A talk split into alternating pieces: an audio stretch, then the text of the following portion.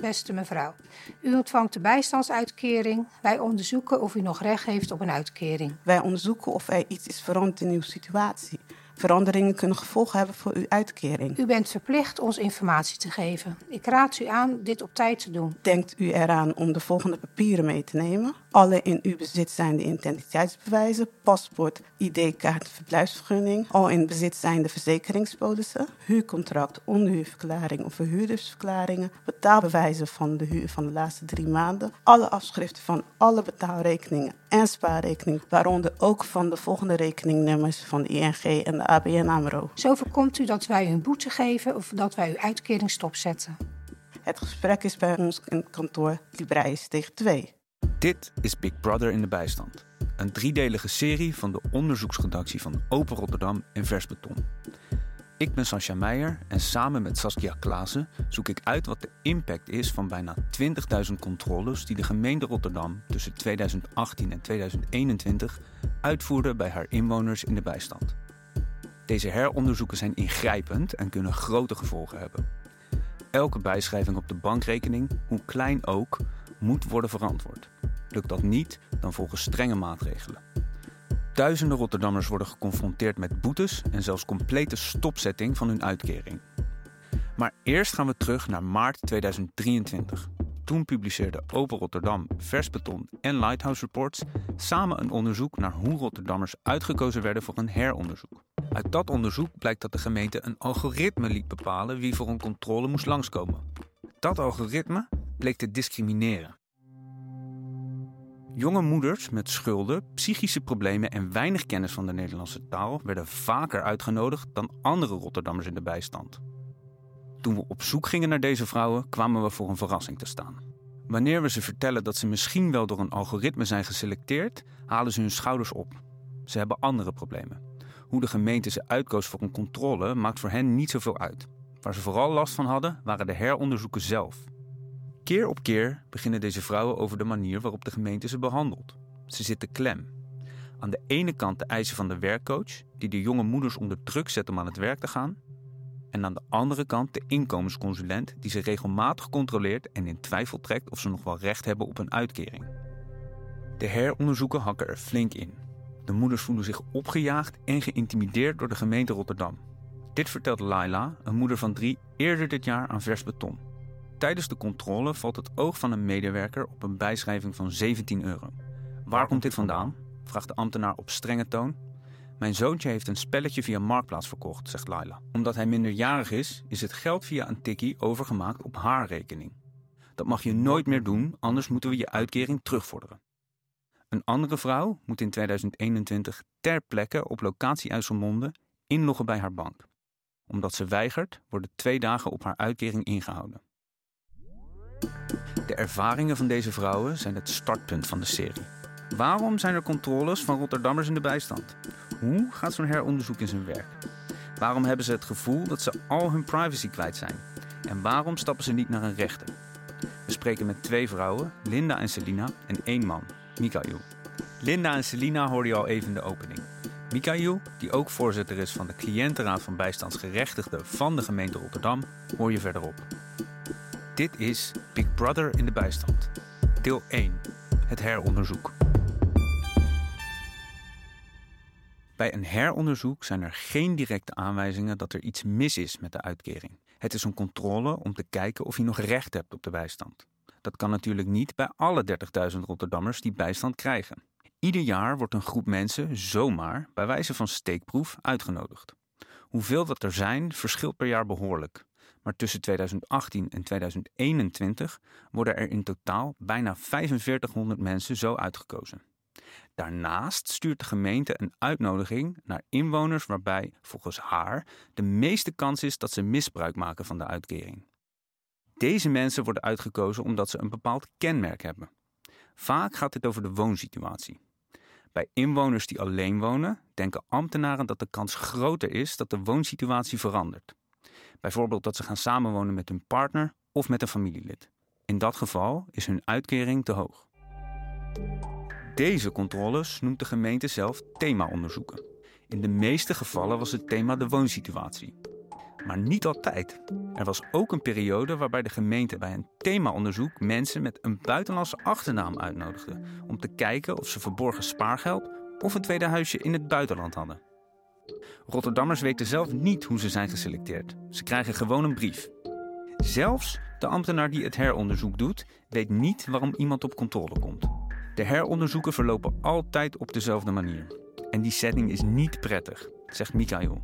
Hij moet zich in 2019 met zijn bankafschriften van de laatste drie maanden melden in het gemeentekantoor aan de Libreiensteeg voor een controle.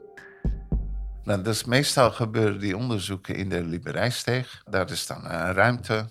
Maar het is een soort uh, open ruimte waar de anderen naast je ook zo'n onderzoeks- of een ander gesprek hebben. Jij kan hun horen, maar zij kunnen jou ook horen. En dan probeer je dan sommige momenten zachtjes te praten. Maar die ambtenaar zelf, die wil duidelijk zijn, dus die praat wat harder.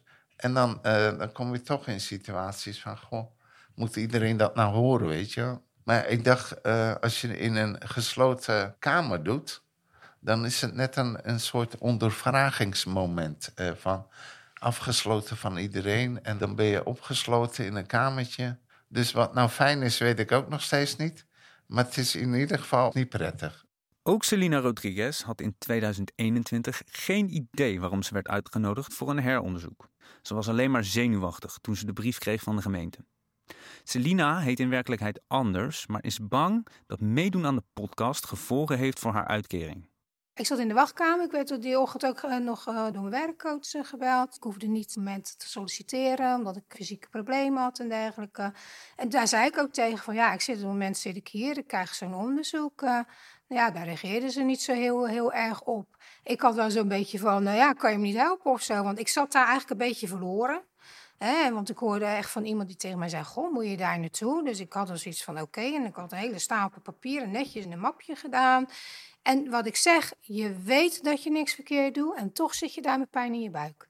En op een gegeven moment zie ik nog drie vrouwen ook binnenkomen. En, en ik zie ze. Ik denk, nou, precies hetzelfde. Ik ben heel erg van het gevoel. En ik voelde gewoon, we voelden elkaar gewoon hetzelfde. Die hebben gewoon hetzelfde verhaal. En dan zit je daar en dan, ja, er zit ook echt wel gewoon een consulent die best wel streng en strak is. Later kwam ze een beetje los. Maar echt wel van, nou, je bent hier en laat jij maar eens even zien dat jij niks verkeerd doet zo, zo gaat het.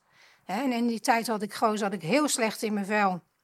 Doordat uh, een plotseling overlijden van, van, uh, van, van mijn ex-man. En uh, ik had eigenlijk zoiets van, nou oké, ik zit hier, kom maar op, ik weet het ook niet. En uiteindelijk ja, gaat het gesprek dan goed. In die zin, het ging met horten en stoten. Want ja, je moet 38 euro toch blijft, blijft ze ophangen. Ze blijven hangen op je, op je begrafenispolis. Uiteindelijk uh, wordt er dan gezegd van... heb jij geen goederen in het buitenland? Geen boot, geen huizen? Want er zijn mensen die komen hier en die hebben dat echt wel. Ik zeg, ja, nou, uh, niet dat ik weet, dat, dat heb ik niet. En volgens mij, ik kan me het niet goed herinneren... maar volgens mij heb ik daar ook voor moeten tekenen. Ook bij Linda valt in 2021 een automatisch gegenereerde brief van de gemeente op de deurmat. Linda vindt het ook spannend om mee te doen aan de podcast.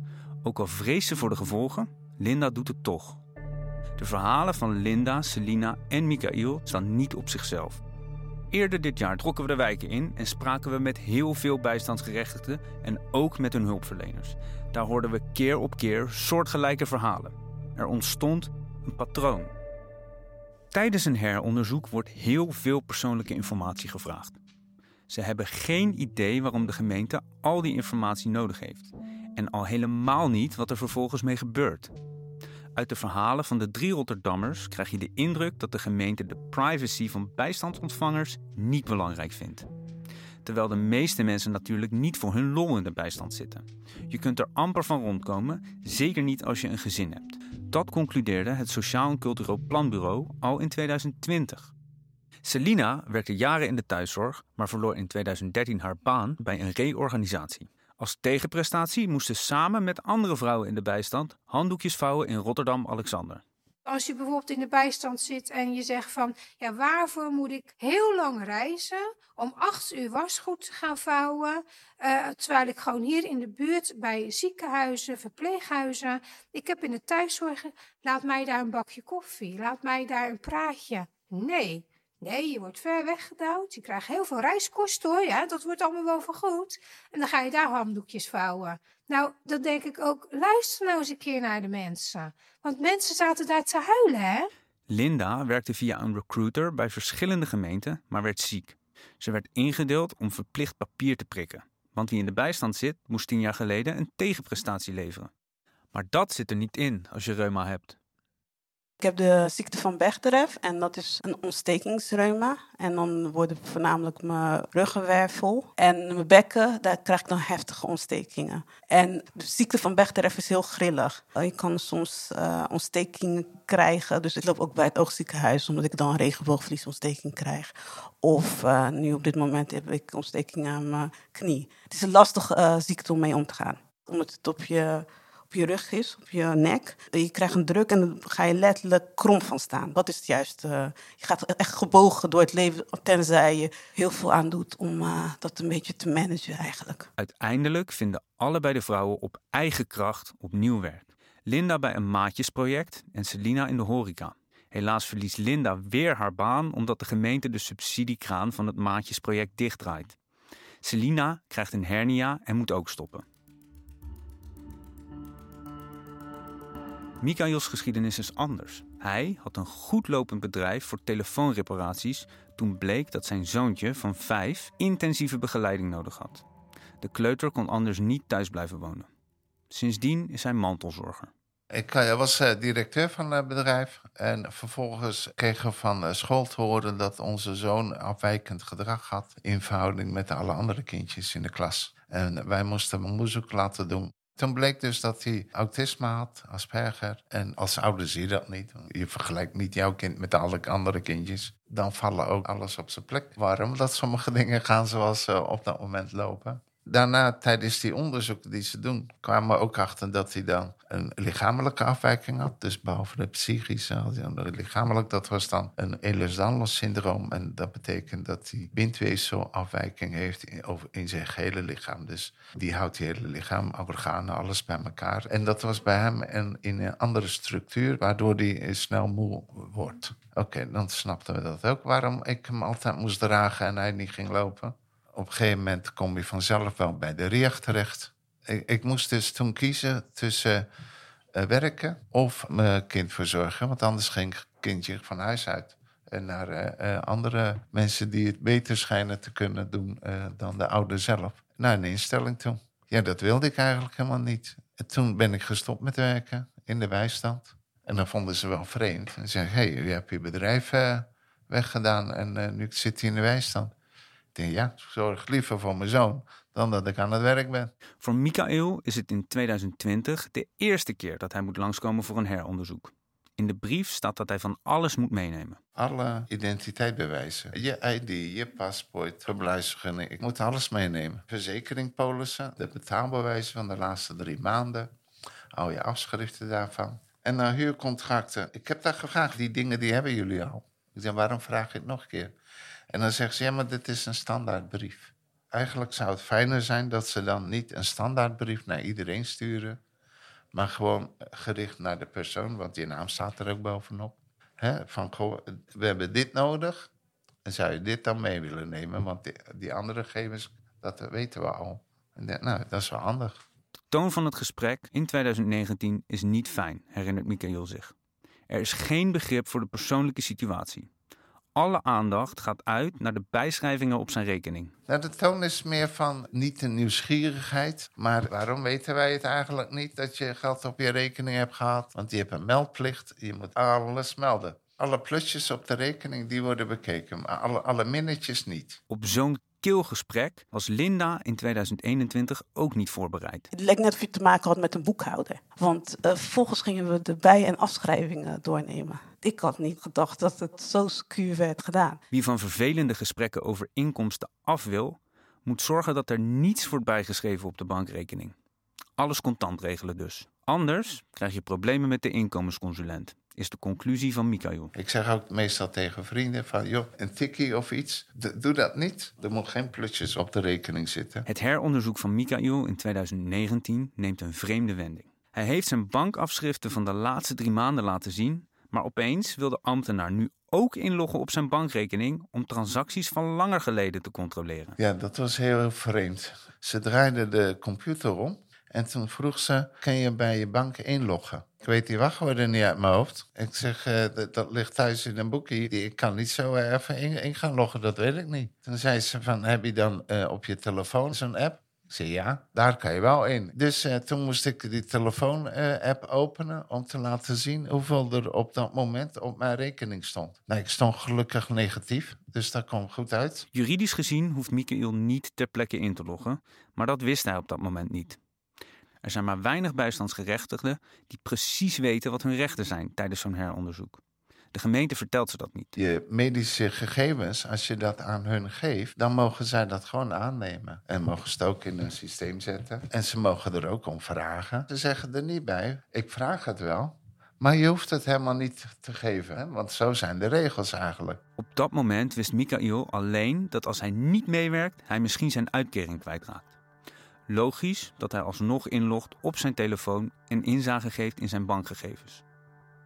Uiteindelijk vindt de ambtenaar een betaling op zijn bankrekening. Een bijschrijving van 25 euro. De regel is dat mensen in de bijstand alle inkomsten melden, hoe klein ook. Ze hebben een inlichtingenplicht. Er stond dus een plusje op, wat helemaal niet de bedoeling had moeten zijn. Maar ik had dus een uh, leren jas op de marktplaats gezet en die voor 25 euro verkocht. Ze zien wel van waar het vandaan komt, maar toch moet je dan uitleggen van 25 euro, waarom komt dat op je rekening? Later hoorde ik van uh, iemand anders, uh, die, die had dus 2 euro op zijn rekening gekregen. Dat was mijn zus en die had ook zo'n onderzoek. En die moest uitleggen waarom 2 euro op de rekening was. Die, die gesprek voor 2 euro, dat is nog duurder dan die 2 euro. Maar het is eigenlijk meer een vernedering, lijkt het wel. Als je gaat vragen stellen over 2 euro. Ook bij Celina vindt de ambtenaar een storting op haar rekening. Ze heeft boodschappen voorgeschoten voor haar zoon. Uiteraard stortte hij dat bedrag terug en daar valt de ambtenaar nu over. Ook Celina heeft de inlichtingenplicht geschonden. He, dus je gaat dan zitten met je papieren en uh, ja, probeert gewoon niks fout te zeggen. Dus je gaat je eigenlijk, eigenlijk een soort van verontschuldigen. Maar wat kan de fout zijn als jij voor je kind boodschappen doet en hij betaalt jou terug? Wat zou de fout aan kunnen zijn? Waarvoor moet je dat drie keer uitleggen? Wie geld leent of voorschiet aan een ander, moet dat op papier vastleggen.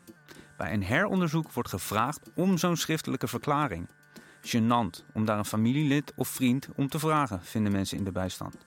Want dan lijkt het net of ze iets gedaan hebben wat strafbaar is. Ook bij Celina's verzekeringspapieren blijft de ambtenaar van het team heronderzoek lange tijd hangen. En zelfs je begrafenispolis. Nou, hoe gek kan het nog worden, dacht ik. Hè? Dan, dan weten ze nu echt alles van mij, had ik zo. Op de begrafenispolis staat een paar duizend euro. Celina verzekert de inkomensconsulent dat ze niet bij het geld kan. De verzekeraar houdt het apart tot het moment dat ze overlijdt. Dan kan haar zoon haar begrafenis betalen. De ambtenaar is niet direct overtuigd. Maar uiteindelijk laat ze het onderwerp rusten. Informatie die de bijstandsgerechtigde tijdens een heronderzoek aan de ambtenaar vertelt, moet de ambtenaar in een datasysteem stoppen. Zo'n situatie rondom een begrafenispolis wordt dus opgeschreven. Maar bijvoorbeeld ook een kleine niet gemelde bijschrijving komt in dat dossier terecht. Uiteindelijk is het aan een tweede ambtenaar om te bepalen hoe verwijtbaar het is dat een Rotterdammer in de bijstand zo'n bijschrijving niet heeft gemeld. Deze zogeheten kwaliteitsmedewerker bepaalt in hoeverre de inlichtingenplicht geschonden is. Gaat het om een foutje of is het expres? Als deze kwaliteitsmedewerker denkt dat iemand met opzet inkomsten verzwijgt, volgt een terugvordering. En tot 2021 daarbovenop een boete. Gaat het om grote bedragen waarvan de onderzochte niet kan uitleggen waar ze vandaan komen, dan wordt de uitkering stopgezet. Grote vraag is natuurlijk bij hoeveel foutjes daadwerkelijk opzettelijk de inlichtingenplicht wordt geschonden. De bijstandsregels zijn ingewikkeld en niet voor iedereen begrijpelijk. Alle regels over bijvoorbeeld de inlichtingenplicht staan in de participatiewet. Die regels zijn overal in het land hetzelfde, maar Rotterdam stond lange tijd wel bekend als de gemeente die ze het strengst naleefde. De wet eist ook dat de gemeenten streng controleren. Steden die te vaak afwijken van de bijstandsregels lopen zelf het risico om minder geld te krijgen van het Rijk. Bij Linda ging het ongeveer vijf jaar geleden mis toen ze op eigen kracht een parttime baan vond. Ze meldde dit bij haar werkconsulent, maar niet bij de inkomensconsulent. Dat had ze wel moeten doen, ze had immers een inlichtingenplicht. Linda besloot te wachten tot haar eerste salaris was gestort. Het ging om een parttime baan, dus de gemeente moest het salaris sowieso aanvullen.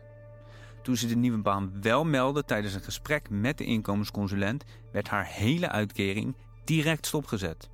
Ze moest twee maanden uitkering terugbetalen, niet netto, maar bruto, en dat bedrag werd verdubbeld met een boete. Linda had direct een schuld van 4000 euro. De eerste van de maand was altijd zo'n acceptgiro van 350 euro of je dat even wilde overmaken. En ik had dan, ik kan het niet. Toen kreeg ik de uitkering, terugwerkende kracht. Ik werd 700 euro ingehouden voor boete. Het is, het is heftig. Het, kijk, bij mij is puzzelen, puzzelen, puzzelen altijd. Het hoopt alleen maar op. Voor Selina begonnen de problemen pas na haar laatste heronderzoek. In 2021 overleed haar ex-man. Zes maanden later kwam ze erachter dat ze recht had op weduwepensioen. Ze meldde dat netjes bij de gemeente en kreeg te horen dat ze dit bedrag van 230 euro per maand niet mocht houden. Bovendien moest ze het geld waarop ze recht had vanaf het moment van overlijden ook alvast terugbetalen. Geld dat ze nog niet eens had ontvangen. Ja, alles wordt uh, onder het mom uh, inkomen. Dus uh, alles wordt verrekend met, met je uitkering. Uh, ik heb geen cent mogen houden. Liefst had ik heel de pensioen niet gehad. Ik begrijp het, hè, dat het allemaal staatsgeld is. En, en dat ze niet kunnen zeggen, oh, hou jij lekker alles. Ik snap heus wel. Maar uh, ze hadden natuurlijk ook wel, en vandaar dat ik daar ook een, uh, een advocaat in de arm heb genomen, om te kijken, kunnen ze het niet onder een ander kopje dan inkomen doen? Hè? Kunnen ze niet een soort van eigen vermogen? Mijn advocaat heeft aangegeven van, kijk, mevrouw kan niet meer fulltime werken. Hè, dus ze zal altijd toch op dat niveau kan je haar dan toch niet iets? De rechter gaf haar een beetje gelijk. Van de 1200 euro mocht ze er 215 houden. Wat er daarna gebeurde is onbegrijpelijk. De gemeente trok zich niets aan van de uitspraak van de rechter. De consulent van de gemeente regelde zonder het met Selina te overleggen een betalingsregeling. Het bedrag werd dus ondanks de uitspraak van de rechter alsnog teruggevorderd. Op een gegeven moment zegt ze tegen mij: uh, Ja, ik heb betalingsregeling voor je getroffen. Ik zeg, hoezo? Want ik had al uh, haast 1200 euro in één maand terugbetaald. Ik heb één maand geen uitkering gehad. Ja, een uitkering van 13 euro en 32 cent. En mijn advocaat was heel boos op mij dat ik dat had geaccepteerd. Maar ja, ik dacht dat ik daar goed aan deed. Maar die zei, dat had je niet, nooit moeten doen. Maar toen had ik het al gedaan. Selina had niet de energie om deze onterechte claim opnieuw met een advocaat aan te vechten. Ze liet het erbij zitten. Voor Rotterdammers is het heel moeilijk om hun recht te halen. De weg van bezwaar naar beroep naar de hoogste rechter van de Centrale Raad van Beroep kost soms wel twee jaar. Sociaal advocaten zijn schaars sinds de rechtsbijstand is wegbezuinigd. Celina begrijpt dat niet alle Rotterdammers de kracht hebben om tegen onterechte beslissingen van de gemeente in te gaan. Want ik kan me wel voorstellen, als je niet in staat bent om je eigen zo te verwoorden of, of dergelijke, dan ga je echt het schip in. Dan kom je echt op straat, dan kom je echt met psychische nood. En dan zeg ik overheid, kijk eens wat je doet. Celina had de afgelopen jaren een dagtaak aan het verantwoorden aan de afdeling inkomen. Ja, dit is van het huurcontract. Terwijl ze het gevoel heeft dat ze niets heeft misdaan. Verzoek om informatie. Alle papieren moet je verzamelen. De familie van heeft zelfs een automaat voor mij moeten aanschaffen. Want de ene kopie naar de andere moet je opsturen.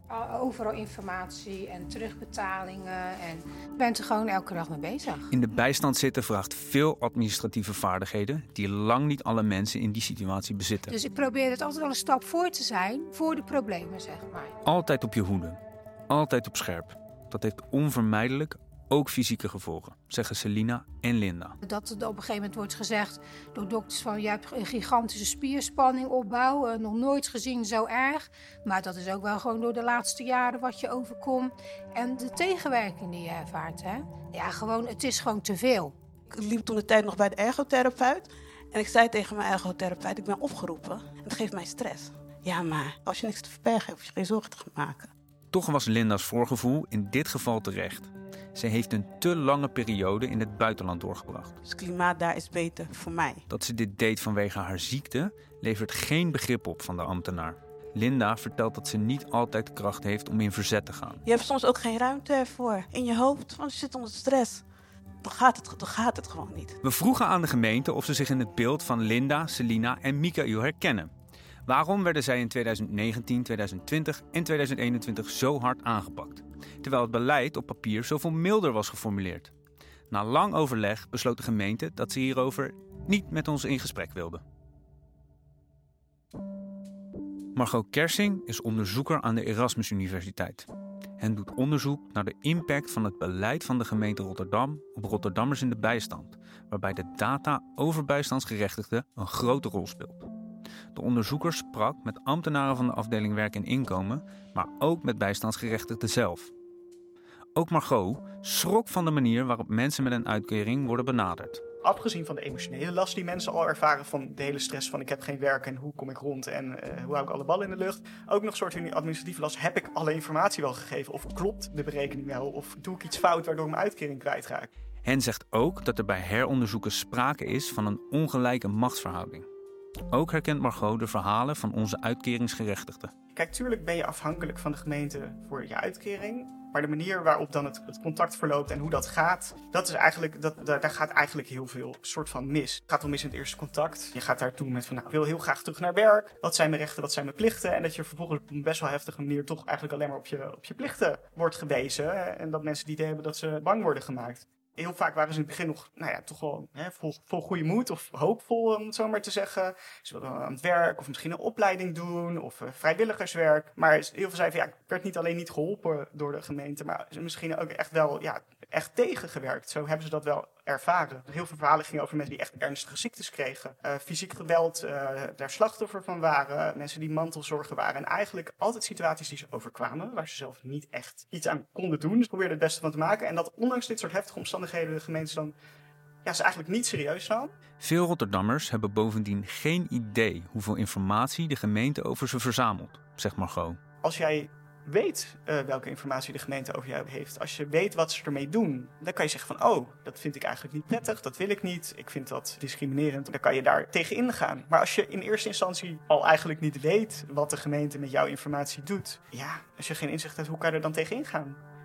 Waarom die datagedreven manier van werken een probleem is, horen we in het volgende deel van deze podcast. Dit was deel 1 van Big Brother in de bijstand podcast van Open Rotterdam en Vers Beton. Mede mogelijk gemaakt dankzij steun van het Stimuleringsfonds voor de Journalistiek. Het onderzoek voor deze podcast is gedaan door Saskia Klaassen en door mij, Sascha Meijer.